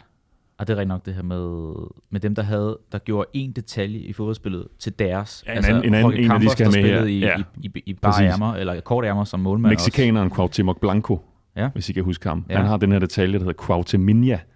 Jeg, jeg tror, det var en eller anden, var det VM-slutrunden i Frankrig i 98, hvor han ligesom viser den frem. Der var ikke nogen, der havde set det før, hvor han gør det her med, at han låser bolden fast mellem sine to ben, og så springer han sådan ind mellem to, to modstandere, og får ligesom taget bolden med. Altså sådan en, så første gang man så den, hvad, hvad er det, han laver? Altså den der, den, det der, måde, tilladt? den der dribling, der, man har jo ikke set det før. Øh, og, det, og det blev han jo så lidt berømt på, og, og fik jo Altså, det var jo noget som, hvis du kom på stadion for at se Cuauhtémoc Blanco spille, altså han var jo en legende i meksikansk, meksikansk fodbold, så forventede man, at han lavede en Cuauhtéminia på et eller andet tidspunkt. Nu, skal jeg lige, nu spørger jeg lidt dumt. Er vi enige om, det er ham den store angriber, ikke? Ja, sådan en ret stor og lidt Ja, korpulent, fordi, øh, korpulent øh, type. øh, Du har, du Mexico. har Ja, lavet en. Cuauhtéminia på dig. Nej, det gjorde han så ikke. Men jeg husker, vi spiller faktisk i Dallas. Det vil du ikke indrømme, hvis han har. Men jeg skulle bare lige, også derfor, jeg spørger sådan lidt i væverne, fordi han har sikkert lavet den her. Øh, men det er rigtigt, ja. Legende. Og der var altid en masse, der var altid en masse drama på ham. Altså, jeg var til en eller anden VM-kvalifikation til Mexico, hvor der var det sådan, der var han lige, hvad han var i, lidt utilfreds med nogle ting, og så ville han stoppe sin karriere på landsholdet, og alle var ulykkelige, og så ville han alligevel godt spille videre og fortsætte jo også til, ja, til langt op i, langt op i 30'erne. Ikke? Så sådan en, ja, virkelig en kul skikkelse ham der. Men det var sjovt, fordi jeg havde også guitar og, hvad hedder det, Valderrama, og så tænkte jeg sådan, hvem, hvem er egentlig, det er jo sådan mest omkring Valderrama udseendsmæssigt, så tænkte jeg faktisk på David Luiz, øh, også på grund af sit udseende, den måde, han var sådan meget flamboyant øh, måde at, at gøre tingene på i, i hvert fald i, i forhold til den engelske norm. Øh, I Paris kunne du sikkert tillade dig lidt mere, øh, fordi de, de var så gode. Men det der med at komme ind på den engelske scene og lave den slags forsvarsspil, øh, og se ud som han gjorde, øh, og i, i øvrigt stadigvæk øh, still going strong i brasiliansk fodbold, ham havde jeg også, øh, fordi han blev, han blev lige så kendt på, på den måde, han var på, kontra, han i virkeligheden var en, en, en dygtig forsvarsspiller, men, men, men måske lidt mere bare sådan en, en, en Beckham-type-agtig, ikke? Som, som kunne noget speci- specifikt, men også bare var, var sjov at se på. Jeg har et par bud, apropos det du sagde, Anille, det der med at blive til måske også internetfænomener, uden man har opsøgt det selv. Øh, Martin de Roon, følger I ham på Twitter? Ja. Det skal man gøre i hvert fald. øh, den mest øh, selvironiske fodboldspiller til dato, tror jeg altid med et billede af sig selv, hvor han har en dommer, der planter et gult kort lige op i næsen på ham, hvor han skriver et eller andet sjov tekst til, eller sådan noget. Han lavede også en video, hvor at, øh, han havde gået ned i Atalantas fanshop for at vente, at den næste spiller, der vil, eller fan, der vil købe en trøje med hans navn på, vil øh, få den signeret, og så, så var det bare et billede, hvor han bare sad dernede og ventede i fanshoppen, indtil de åbnede, og til de lukkede, og der var ikke nogen, der købte Men det er sjovt, at han gik jo rundt mellem dem, der faktisk gik og shoppede, og der var ingen, der genkendte ham der også. det er, han er, han er, er fantastisk. Øhm, Og han havde bedt om Cristianos trøje også. Og så var det var så hans holdkammerater, der så havde givet ham en eller anden, øh, jeg ved ikke, svedetrøje, hvor de bare har skrevet Cristianos 20 på, og så givet den til ham. Og så kommer jeg i tanke om, om James Milner også, der jo har fået sådan en, en, en fake Twitter-account, der hedder Boring James Milner, hvor han altid øh, kommer med sådan en sarkastisk tweet på bare, altså der er ekstremt tørt. Det er selvfølgelig ikke ham selv, der laver det, men han er også på en eller anden måde blevet kultspiller, fordi han er han kom for det her kæmpe talent. Den, var han den yngste til at score i Premier League på et eller andet tidspunkt? Ja, han er jo sådan lidt antikult i virkeligheden, ikke? Altså, fordi han er jo, Jo, jo. almindeligheden selv, og det er jo så blevet cool. ja, ja. Ja, så har vi jo også nogle danskere, vil jeg sige, som, som, som er hen i den, i den verden. Altså en, en Thomas Grausen i Real Madrid er vel også på en eller anden måde kultspiller. Altså han ender i Real Madrid som the odd one, kan man vel godt sige, blandt alle de her øh, Galacticos. Og man havde jo også den her lidt sarkastiske tilgang til Thomas Grausen og nogle af de ting, han lavede både på træningsbanen. Og der er den der øh, knæslide, han laver på et tidspunkt, den her Travasinha. takling. Ja, lige præcis. Han laver på, på et tidspunkt, som også er blevet rent kult, når man, når man øh, søger Thomas Grausen på, på Google. Øh, Og der er nogen tvivl, hvis de sidder i Spanien og laver et program som det her, altså taler om kultspillere i liga, så vil Graversen dukke op. Ja. Ja. Altså, det er jo sådan den status, han har der. Men han tog også rollen på sig, ikke? Det ved jeg Eller faktisk ikke, om han han gjorde. var? Det ved jeg faktisk ikke, om han gjorde. Nej. Øh, men det kunne han nok ikke lade være med, fordi at han jo skilte, skilte sig så meget ud. Altså i det der glittede Real Madrid-univers. Altså så kom der den der drengerøv fra Vejle. Altså der skilte han sig bare ud, ikke? Og, han, og fordi han er, som han er, så han jo, han, jo, han er jo svært ved bare ligesom at lægge bånd på sig selv og, og, og, og tilpasse sig. Ikke? Og det gjorde, jo, gjorde ham jo bare til en meget usædvanlig karakter. Jeg synes, det er interessant faktisk øh, i forhold til det der med kultspiller, for hvad er det egentlig, der definerer det? Jeg, jeg har en spiller, som spiller i den danske Superliga, Raul Amentosa, som du måske kender fra at dække den spanske liga, med sit eget brand, øh, og den måde, han har indtaget Vejle på. Øh, Håret, ikke at få håret, måden han, øh, altså sådan, det, det bliver ikke til, åh, jeg skulle til at sige, kalde det teatralt, det, det er sådan negativt lavet, men det bliver sådan meget selviscenesættende det hele, og, og, og de køber ind på det, altså fansene i Vejle, vi har nærmest vores, vores gode kollega Ole Ryborg, altså de, de ældre, de, de, de elsker ham også, altså de, de tager det bare ind, og det er jo, det er jo, en, det er jo en udmærket fodboldspiller, men, men, men, men der, der har du jo ret, han er jo ikke så god, at han vokser ud af den her. Øh, det, det er meget mere alt det andet, der følger med. Øh, og jeg har det sådan, sådan var det vel ikke i Spanien? Nej, det er det? sjovt, det er sjovt, du siger det, for det, der, der var intet kul over. Raul Albentosa, da han Nej. spillede i, i La Liga. Der var han en total ordinær gennemsnitlig midterforsvar, Ja. ja. som så mange andre, som ikke skilte sig ud på, øh, på, på, på nogen måder. Øh, så, så det her, det, det er klart et nyt, nyt element, som I hvert fald er i kommet. kontekst. Ja, Men det er også bestemt. interessant, fordi en klub som Vejle med så mange nationaliteter, så meget rod på bagsmækken også, at de har måske brug for sådan en fanebær, der kan skabe noget kultur og forene klubben med de fans, der måske ikke har så mange øh, gode resultater at spejde efter weekend efter weekend. Ja, det kan meget vel være, men altså, man kan så sige, at han har jo også været med til at, at skabe de der gode resultater. Ja, ja, han har været afgørende et par, et par Afgørende, runder. ikke? Ja. Altså, det er... Men det er ret interessant, fordi jeg spurgte også øh, nogle af vores lyttere, og de kunne komme med et bud på en kul spiller. Der blev Raul Albantosa faktisk også øh, nævnt. Jeg kan lige prøve at ramse nogle af dem op, der var inde på, øh, på min Twitter-tråd. Det er Mads Eriksen, han bød med Nacho fra Real Madrid, Morten. Kult, fordi jeg tænker, det er det der med også en overlever på en eller anden måde. Jeg har også hæftet mig med, med Divock Origi i Liverpool, og også blevet sådan en overlever, der går igen og igen og igen, og tænker, okay, nu er det hans sidste sæson, og så alligevel kan han have nogle afgørende momenter i sæsonen efter. Ja, altså, Nacho synes jeg ikke. han- Altså, han, han kan jo blive sådan en, en one-club-player, Ja. og det er jo så selvfølgelig i sig selv noget, noget særligt. Men øhm, Han kult, han mangler noget føler jeg er. måske. Ja, det, det, jeg, for der er, jeg har ikke så meget... Altså, hvad, hvad er det, der skulle gøre Nacho sådan Udover at han altid har spillet, udover at han altid har spillet for, for Real Madrid. Uh, det, det, synes jeg ikke er en, det synes jeg ikke, der er kult over. Så er der Frederik øh, Heiselberg, der byder ind med Attilio Lombardo. Kan I huske ham? Den skaldede mand, øh, Ja. der havde nogle år i Crystal Palace også, hvor det ikke var så udbredt at have Ikke helt skaldet. Han havde ikke lidt Jo, han- slidt ud han på Han havde lidt en havde, skal vi sige, lidt tvivlsomt hår måske. ja. Ja, skal den, den, den, den er med, men det er jo Ja. også et af de, altså fra det her Sampdoria-hold, ikke, som, ja. som var stort der i, i starten af 90'erne.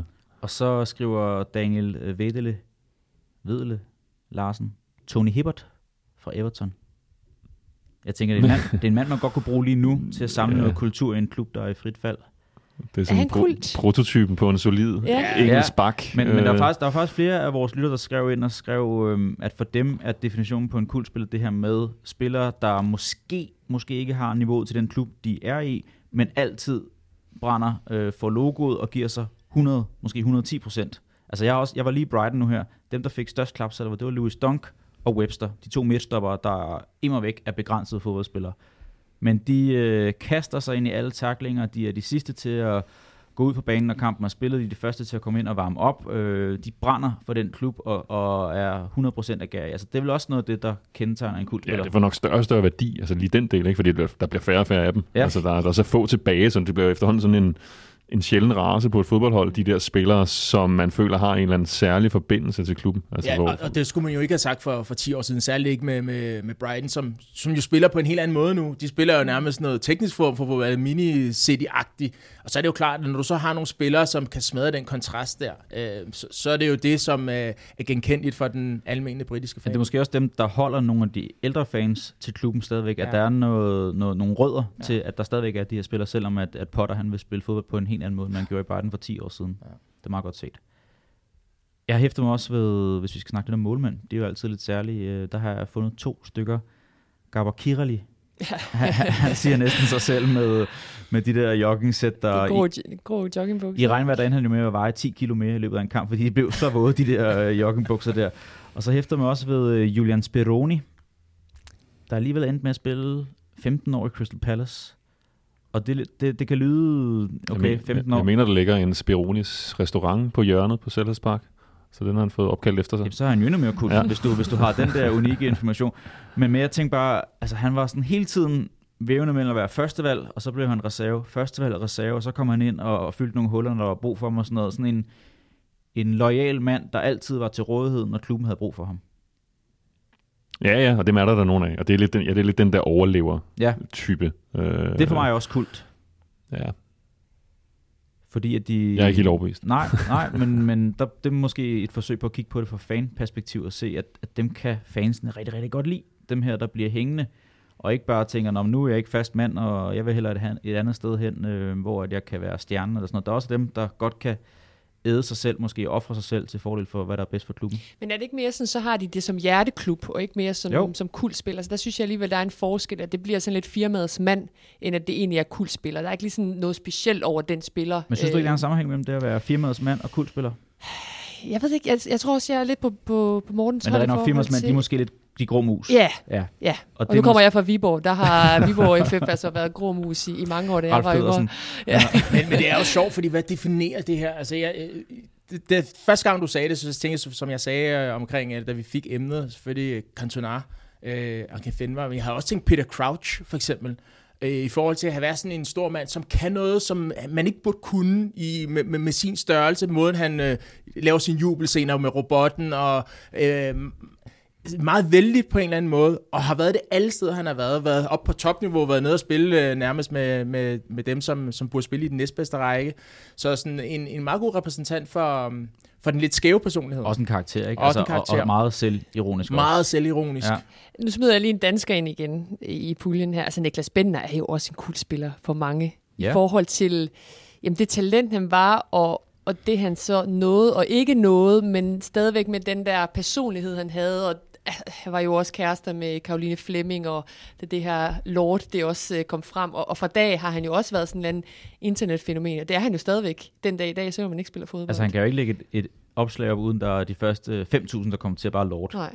Mm. Og, Og det er stadigvæk den dag i dag. Men er det sådan, altså som kultspiller, ja, hvis du ser ham fra England, så, så synes jeg det. Men jeg synes bare her fra Danmark, der synes jeg, han er for, altså igen, lidt for stor til Ja. at kunne være reduceret til at være kult. Ikke? Øh, men ingen tvivl om, at det er den status, han har fået i England. Ikke? Og det er der jo noget, og det er der jo så også noget i det der med, at kultspil, det kan være det der uforløste talent, ikke? Øh, og så selvfølgelig hans personlighed og, og alt det, alt det, der er foregået omkring ham. Ja, jeg synes også, det der med personlighed gør også, men nu spurgte du mig her, da vi startede øh, podcast, hvem, hvem jeg havde med, og det, det er så en tidligere Bayern-spiller i Mario Basler, Ja. som, som egentlig var en fantastisk øh, fodboldspiller, øh, hurtig, teknisk stærk, men han var en vanvittig person, altså uden for banen. Øh, før Champions League-finalen i 99 mod Manchester United, sidder han jo øh, på, ikke, altså, på hotellets bar og, og drikker øl og, og, og hvad hedder det, ryger smøger, hvor øh, Hitzfeldt og Hønes kommer hen og siger, ah, er det ikke tid til at, at gå op på værelset, du skal spille finale i morgen, og der sad han bare iskold åbenbart og drak sin øl færdig, og så gik han, og han var færdig.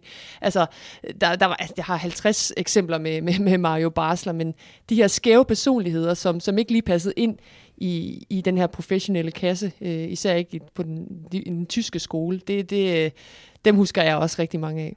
Det leder meget godt hen til måske det afsluttende spørgsmål i den her snak. Bliver der flere eller færre af de her kultspillere, hvis man kigger fremad? Også, Morten, du siger jo, at, at dem, du skulle grave frem, det var nogen fra din egen barndom, og fodbolden har ændret sig. Altså, så vi peger måske hen mod, at der kommer færre af dem. Det, ja, det, igen, det er nok et definitionsspørgsmål. Ikke? Mm. Altså, fordi hvis man mere er til so me-fænomener, så kommer der flere af dem. Ja. Øh, hvis det er en, noget andet lidt, den der, den der mystik over det, så kommer der helt sikkert færre af dem. Øh, så, så igen, det, det, der vil jo altid være dem, der skiller sig ud, og dem, som har noget særligt, ikke? og det er vel i virkeligheden det, som man, som man, man efterspørger. Øh, og der, der kan man jo sige, at sociale medier gør jo bare, at man også for møder de her spillere på i andre sammenhænge, end man gjorde, end man gjorde før i tiden. Ikke? Så, så der vil i hvert fald være flere muligheder for dem, der gerne vil stå for et eller andet til at rent faktisk at vise det. Jeg kunne lige til at tænke på Gareth Bale. Er han en kultspiller for dig?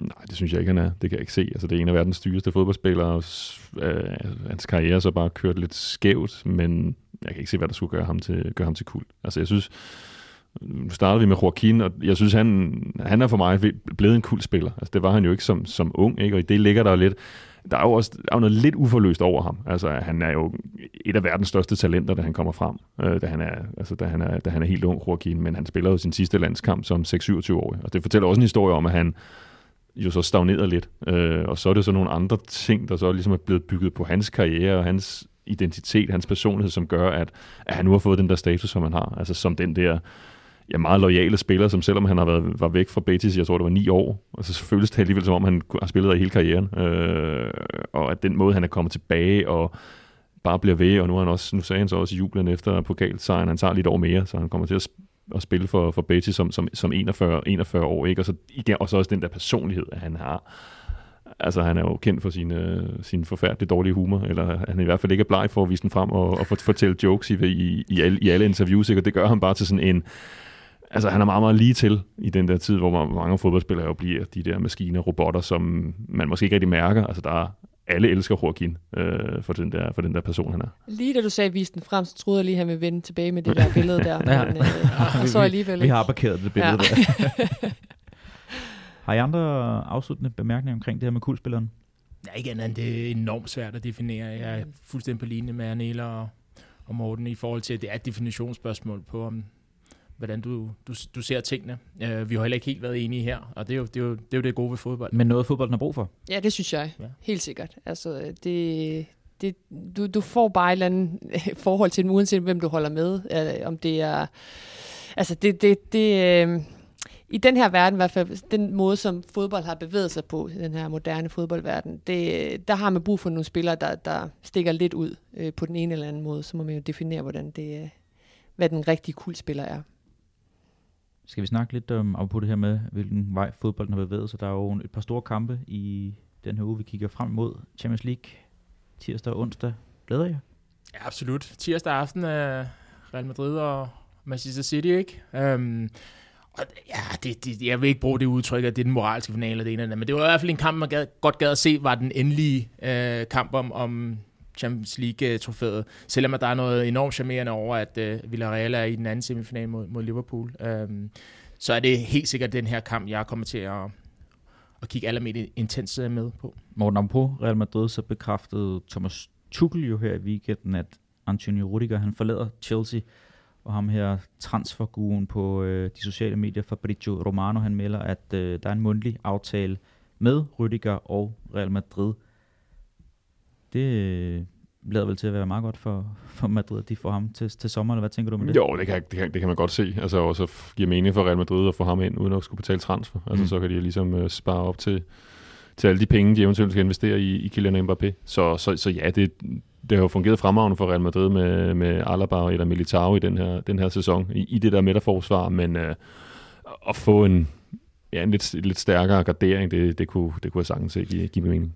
Ja, altså på vandrørene, der lød det til, at de selvfølgelig hele tiden har været interesseret i ham, men i særligt den, den kamp på, på Bernabeu, øh, hvor han også var scoret på hovedet, at, øh, at det var ligesom der, hvor man, man bliver overbevist om, at man, man godt kan bruge sådan en, en trækløver, så man ikke skal bruge den her kuldspiller, som, som han ikke er enig i, Nacho. Også snak om, at det kunne give perspektiv at rykke Alaba ud på venstre bak, hvis man så får en stærk marker til Militao på, på sigt også. Ja, jeg synes jo bare, han har gjort det så godt, eller Ja. bare centralt, så det, det, det, jeg tror ikke, det er det, der bliver plan A, om det så kommer til at være løsning undervejs, og når hvis Falangmang, de, den normale venstreback, han får jo jævnligt nogle, nogle skader, så er det i hvert fald nemmere at, at, at, at gøre det, end at skulle, øh, end at skulle til at opfinde et eller andet. Jeg, jeg, undskyld, jeg er lidt spændt på det her skifte, fordi der er jo en grund til, at Antonio Rüdiger har været rigtig god, mens Thomas Tuchel har, har været i Chelsea. Det er jo, fordi de spiller med, med tre mænd i, Ja. ja. i midterforsvaret.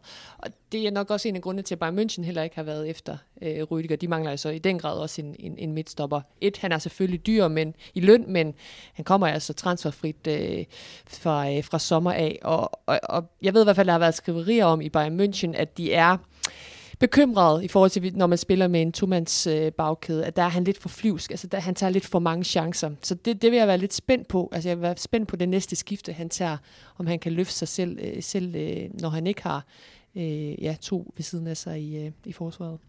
Og det her med, at Rudiger skal væk, AC, vores øh, danske landsholdsspiller, er også til at skulle væk fra Chelsea. Der er snak om Aspilicueta og Barcelona. Det kunne jeg egentlig godt tænke mig, måske vi skulle snak, snakke om i øh, næste uge, det her med Chelsea som forsvarende Champions League-mester. Jeg har det også bare sådan, at, at det er sådan en klub, hvor at det kan ramle rigtig, rigtig hurtigt. Øh, nu skal de måske ud og have en helt ny forsvarskæde til den kommende sæson, øh, selvom Thiago Silva bliver han 40 år, han kan, kan han spille alle tre pladser alene. Men, men de er også hurtige til at genopbygges igen. Det synes jeg er ret fascinerende og ret øh, foruroligende på samme tid. Så det kunne være, at det skulle være emnet øh, i næste uge. Kunne vi være friske på det? Absolut. Ja. Godt. Det blev tid til at runde af for i dag. Arnela Mominovic, Francis Diko og Morten Glindmed. Tak fordi I har lyst til at være med. Selv tak. Selv tak. Og vi er altså tilbage igen i øh, næste uge med en ny udgave af Diego, som jeg også fik øh, teaset for. Brygger vi også på at lave en øh, særudgave med ansættelsen af Erik Ten Hag i Manchester United. Hvad er perspektiverne i det, og hvad er det, at det holderne han kan tilføre den øh, engelske storklub?